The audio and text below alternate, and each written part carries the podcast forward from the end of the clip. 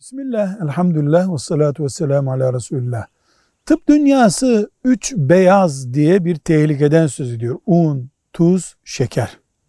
Bu üç beyazı kullanmayı neredeyse yani suç sayacaklar gibi bir durum var.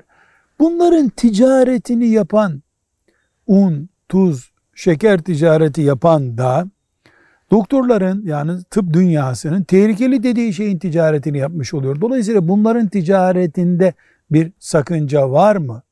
Deriz ki bunlar zehir değil. Ölçüsüz kullanıldıklarında, abartıldıklarında, belli sağlık sorunları olanlar dikkat etmediklerinde sorun oluyor bu. Dolayısıyla devlet bundan sonra şekeri yasakladım. Bu ülkemizde yasak demediği sürece bunların ticaretinde bir sorun olmaz. Ee, eğer biz her şeyi böyle sakıncası ileride olabilir diye bakarsak her şeyin sakın yağmur da o zaman tehlikeli olur çünkü sele dönüşebiliyor.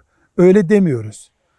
Genel olarak yüzde yüz herkesi tehlikeye götürüyor diye devlet karar verdiği zaman sağlık mercileri açısından tabi o zaman onun ticareti de yasak olur deriz. Velhamdülillahi Rabbil Alemin.